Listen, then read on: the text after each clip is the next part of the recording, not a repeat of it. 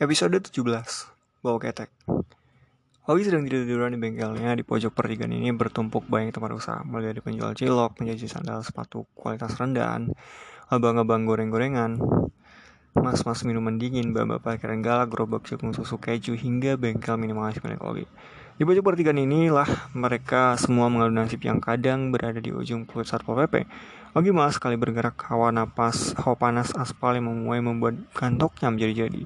Tiba-tiba seorang mencoleknya belum terbuka betul matanya langsung Ogi mencerocos.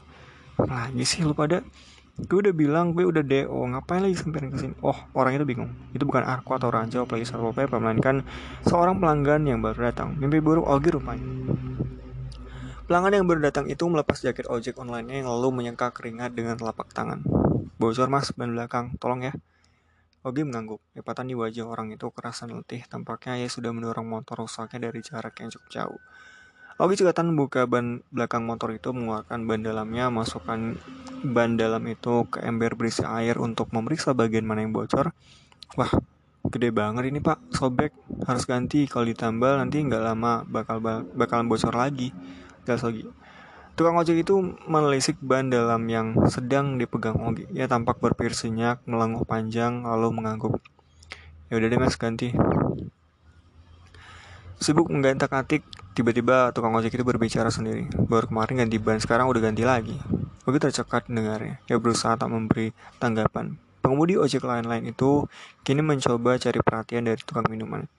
Ya nasib orang kecil begini, kerjaannya seadanya, uang cukup buat makan aja, mau pulang kamu ke sana ya, ongkosnya juga gede, belum tentu juga bisa buka usaha. Lanjutnya bercerita. Ogi masih mengotak atik ban si bapak pengemudi ojek lain kini mendapat teman bicara mbak-mbak parkiran yang galak. Penjajah minuman membalas adanya. Ya disyukurin aja pak. Dapat penumpang mah yang penting buat makan bisa ya nggak? Cetok mbak-mbak parkiran galak. Ya nih kalau nggak demi kuliah anakku nggak bakalan gini. Jawaban bapak itu. Ogi tercekat lagi, mirip-mirip dengan babe. Anak bapak kuliah, tanya Ogi. Oh iya, pinter dia. Ya sekarang di swasta kuliahnya, tapi aku ya minta dia pindah aja ke negeri. Nggak kuat bayarannya. Tapi ya gitu, dia malah betah. Sekarang sih katanya nyari beasiswa. Di swasta mana pak? Tanya Ogi memburu. Di itu loh, apa itu? Udel-udel itu. Ogi melotot. Udel. Nama anak bapak siapa? Juisa. Waktu seakan berhenti sejenak. Kenapa tuh tanya-tanya? Ogi menggeleng ya tertawa kikuk mbak-mbak parkiran galak menyelotok. Loh, si Ogi ini dia kuliah di Udal juga nih pak. Ya lah jangan sembarangan loh mbak. Ogi menoleh ke ayah Juisa. Enggak pak, saya udah nggak kuliah. Loh, gimana? Lewat satu dua tangkisan pembicaraan tetap saja Ogi tak bisa mengelak. Ogi akhirnya terpaksa memberitahu. Juisa itu teman saya pak. Satu kelompok sama saya beda fakultas. Wasfes Wasfes Walah kamu yang mau bunuh diri itu toh. Kesal lagi mendengarnya. Rasanya ingin dia bocorkan kembali ban motor ini. Tiba-tiba pas saya Juisa berdering. Loh ini Juisa menelpon Panjang umur banget baru diomongin. Waalaikumsalam. Oh oh. Wah alhamdulillah ya Allah. Baca Juisa yang semula masam karena ban motornya bocor Kini berubah gembira. Alhamdulillah kamu menang nak lagi mencoba mencuri-curi dengar obrolan ayah Juisa. Nih, ada temanmu di sini. Siapa tadi namamu? Oki ya? Ogi, Pak. Oh iya, ini ada si Ogi-Ogi ini. Ketemu di mana ini? Bengkel. Dia tukangnya yang benerin. Oki mau ngomong sama Juisa. Ogi, Pak, Ogi. Ogi gas. Oh iya. Ogi mau ngomong. Ogi menggeleng. Gak usah, Pak, gak apa-apa. Salam aja sama Juisa. Oh, ya udah. Ayah Juisa lanjut ngobrol 3-4 kalimat lagi dengan anaknya teleponnya tutup. Habis menang lomba apa itu dia katanya. Tidak banyak sih hadiahnya, tapi cukup lah untuk uang saku. Tapi bapak ya sepertinya mau minta Juisa tidak usah lanjut kuliah aja. Mau mau saya nikahkan sama anak teman di kampung.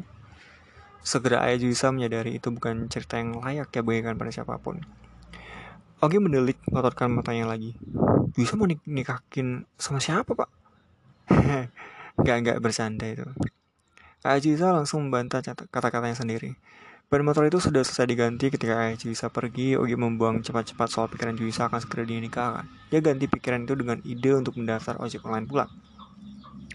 Ogi lihat-lihat motor gado-gadonya, lalu ia lihat motor butuh tinggal babe tumbuh sedikit harapannya untuk mendapat pekerjaan yang lebih baik. Segera Ogi cari informasi pendaftaran, dapat ternyata mudah sekali mendaftarnya dan dua hari lagi memang akan ada tes besar-besaran untuk menerima peng ribuan pengemudi. Semua calon pengemudi harap datang membawa motor dan kelengkapan masing-masing. Lokasi tes di bandara di Bandar Udara Pondok Terong akan dilakukan uji coba berkendara dan penyerahan jaket serta helm. Inilah bunyi pesan yang Ogi terima begitu ya selesai mendaftar. Ogi datang dengan setengah yakin, setengah ragu ke lokasi itu. Dilihatnya sekeliling bandara ini ada tentara berlatih, ada pesawat sedang parkir dan ada juga satu pusat keramaian.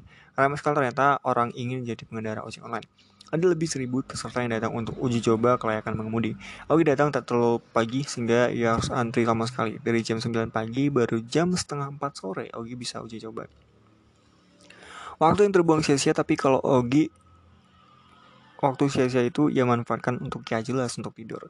Ketika datang gilirannya dia terbangun dengan nyawa setengah sadar. Erliur Ogi belepotan ketika namanya dipanggil. Kepalanya masih pusing ketika mendecak motor butut babe. Panitia yang menunggu terpaksa kasihan melihat bentukan Ogi yang kacau balau.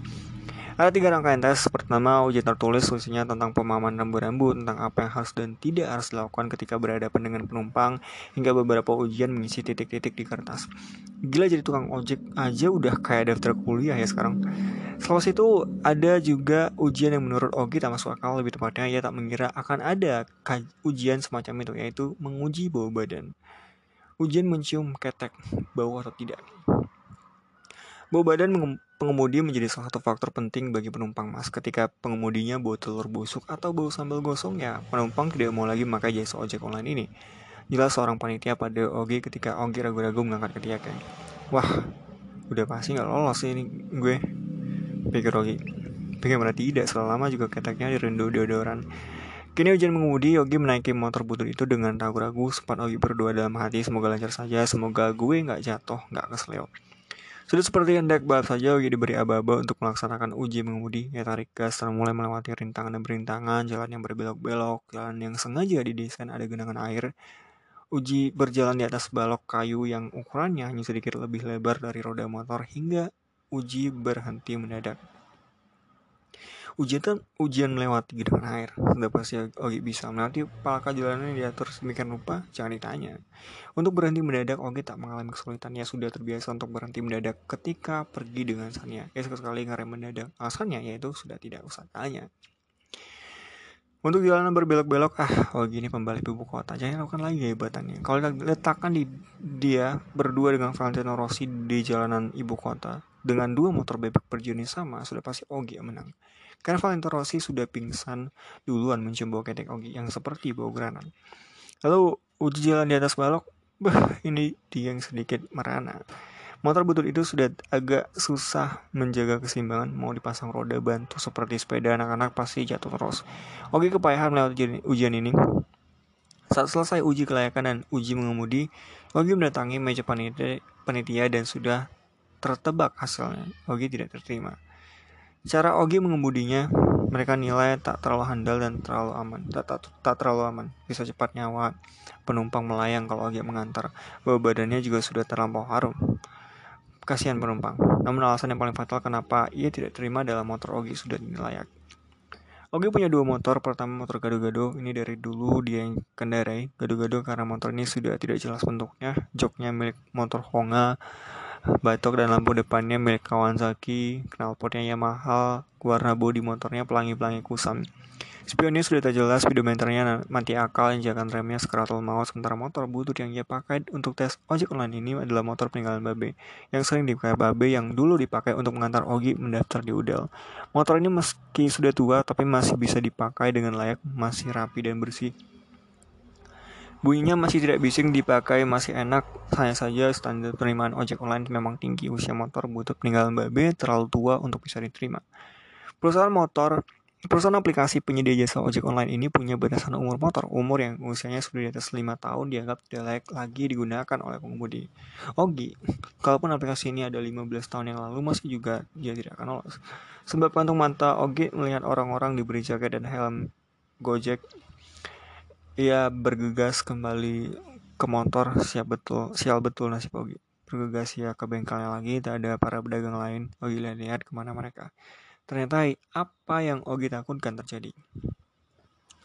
Baru saja ada penggusuran oleh Satpol PP, makin sial nasib Ogi. Barang-barang bengkel Alkadarnya itu diangkut paksa termasuk motor gado-gadonya. Ogi bahkan tak sempat melihat lagi barang-barang peninggalan Babe itu. Kini ia tak punya sumber daya apa-apa lagi selain dirinya. Motor butut milik almarhum Babe dan laptop rusak. Pakai sebab kantong mata Ogi, ya gas motor butut yang sebentar lagi kehabisan bensin itu ke masjid terdekat. Selepas maghrib berjamaah, Ogi duduk-duduk saja sambil termenung rasanya sia-sia semua hal yang dilakukan, semua hal yang ia pikirkan, muncul lagi rasa ingin menghabisi hidupnya sendiri. Ogi lawan pikiran itu, tapi muncul lagi, ia lawan terus. Muncul lagi lebih kuat. Selepas Isya, tampak segerombol mahasiswa berjaket alma mater kuning. Mereka tampaknya baru pulang kuliah. Itu adalah mahasiswa Udin. Kampus terbaik bangsa ini berdegup jantung Ogi meski hanya melihat jaketnya saja. Beberapa dari mereka masuk ke masjid, beberapa duduk-duduk saja di jalanan di jajanan depan masjid. Selepas itu semua mereka pulang, tapi ada satu mahasiswa yang tinggal. Anak Udin ya bro, kayak Ogi yang sebenarnya sudah jelas jawabannya. Namanya juga basi-basi orang Indonesia. Iya mas, jawabnya. Eh, saya ke dalam dulu ya mas ke dalam dulu bukannya tadi anak ini sudah sholat isya di dalam kenapa tidak pulang Lagi terus perhatikan anak itu ternyata masuk ke sebuah ruangan kecil di masjid. Tak lama ia keluar lagi dengan pakaian berbeda, membawa handuk dan sebuah gayung menuju kamar mandi. Tak lama ia keluar dan sudah rapi. Selepas mandi ia kembali ke ruangan kecil tadi. Juga tak lama setelah itu ia keluar lagi dan kini sudah dengan pakaian hendak sholat. Selepas sholat ia mengambil tasnya, membuka buku-buku dan belajar. Ogi penasaran apakah anak ini penjaga masjid ini. Kalau iya, hebat betul dia sambil sekolah di Udin pula. Ogi beranikan diri masuk dan bertanya, Halo bro, lo anak Udin ya? Tinggal di sini apa gimana? Oh iya, tapi saya tapi bukan yang jaga masjid mas, saya hanya numpang saja sampai dapat kosan paparnya. Oh iya, nama saya Miral mas. Ya dengan tangan terlebih dahulu. Perawakannya kecil, terus senyumnya lebar dan logannya seperti dari timur. Saya ini dari Luwuk mas, pernah dengar? Ogi menggeleng, baru kali ini ia mendengar nama daerah itu. Ternyata Luwuk Bangai adalah sebuah pulau kecil di dekat Sulawesi, tak banyak orang tahu. Meral datang dengan kapal jauh-jauh setelah tahu ia diterima di kampus Udin sekampung heboh dibuatnya. Tak ada keluarganya yang bisa berkuliah sejauh sampai di kota.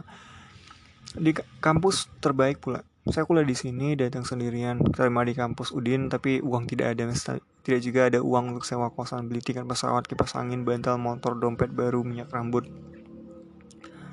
Asrama penuh karena saya telah datang kan naik kapal saat sampai di Jawa ini asramanya sudah penuh begitu. Pernah ada dosen yang menawarkan tinggal di rumahnya malah jadi lebih jauh, ongkosnya juga jadi jauh.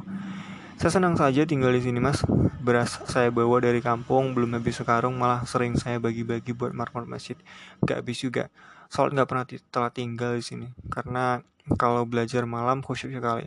Bulan depan kuliah saya libur, saya mau cari magang biar dapat uang. Tahun ajaran depan saya juga sudah harus tinggal di kosan. Alhamdulillah kuliah ada liburnya juga di kampus ini kampus Udin saya bisa rehat sejenak liburan nyari uang wah kuliah saya gila-gila banget mas Baik betul tanya Ugi, jarang-jarang ia bisa tertarik bertanya pada orang, apalagi orang yang baru dikenal. Sampai muncul satu pertanyaan yang amat penting yang akan mengubah arah hidup Ugi. Jurusan apa di kampus Udin, Bro Miral? Ugi. Saya. Saya jurusan ilmu komputer, Mas. Saya jangan panggil Mas. Ogi mencoba mencairkan suasana. Santai aja kali, panggil nama atau lo gue, lo gue aja. Sip, oke okay, macus. Jadi lo mau masuk Udin juga, bro. Miral sudah mengganti sarapan kali ini. Ya, lo dulu gimana caranya bisa masuk Udin? Ogi ingin mengukur kemampuannya. Gue masuk jalur undangan. Kembali mendengar bercerita dengan gegap gembita.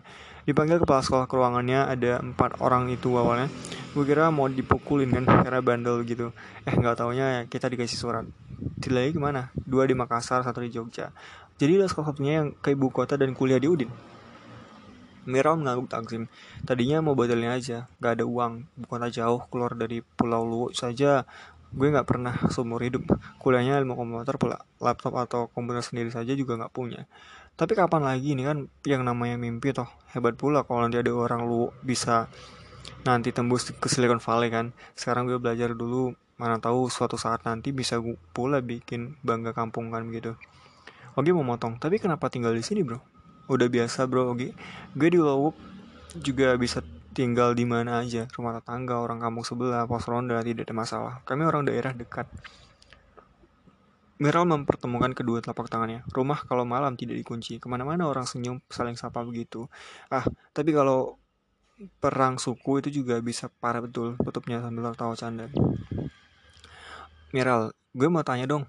Kalau di ilmu komputer, mata kuliahnya apa aja? Apa aja? Um, banyak bro. Kalau di ilmu komputer, mata...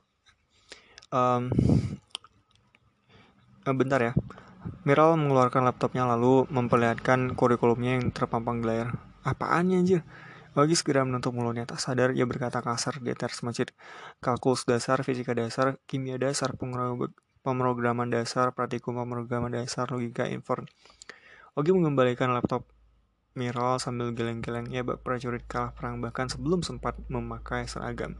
Meryl terlalu lepas, matanya hilang di balik kelopak. Eh, hey, kenapa kaget? Mudah sekali ini. Sini gue kasih lihat ya. Ini salah satu rumus yang paling mudah.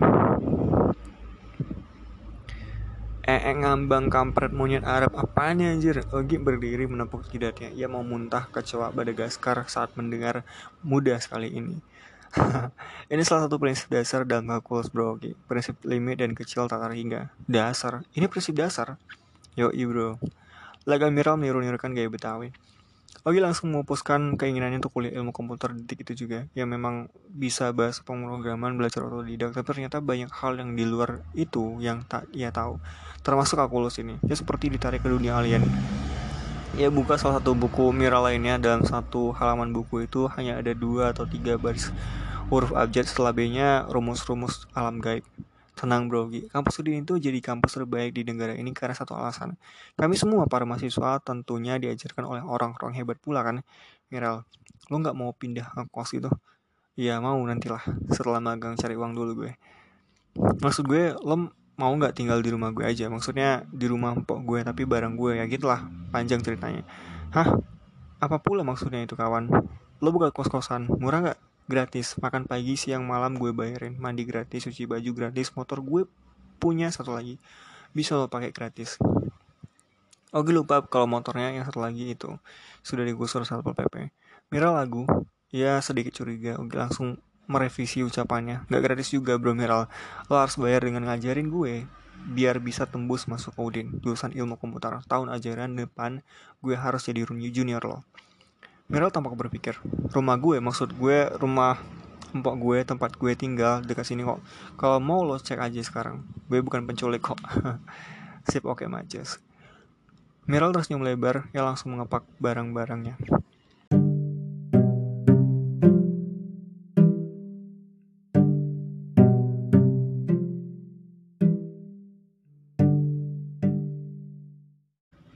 Berhenti, mundur, atau terus melaju.